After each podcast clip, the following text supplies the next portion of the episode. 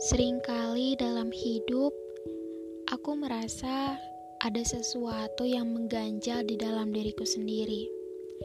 Ada ribuan keluhan, ribuan keinginan, dan ribuan tanggung jawab yang ingin aku tangisi karena aku merasa pundakku sudah terlalu berat untuk menyimpannya. Ya Allah, rasanya sulit sekali. Berat Apakah sesulit ini beranjak dewasa? Dan ribuan keluhan lainnya yang mengganjal. Tapi, apakah ini manusiawi? Apakah ini baik?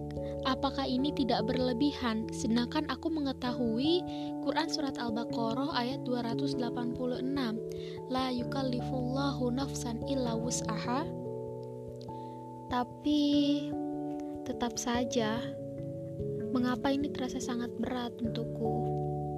Hingga pada suatu saat, aku melihat kedua orang tuaku yang tanggung jawabnya beribu kali lipat lebih banyak dariku, yang istirahatnya jauh lebih sedikit daripada aku, yang makannya lebih jarang kenyang daripada aku, yang pusingnya lebih sering dariku, dan yang tangisnya mungkin lebih banyak dariku. Dan kemudian aku menyadari bahwa masalahku tidak ada apa-apanya. Tanggung jawabku hanya sedikit, tapi rasa khawatir dan pandanganku tentang dunia yang terlalu besar.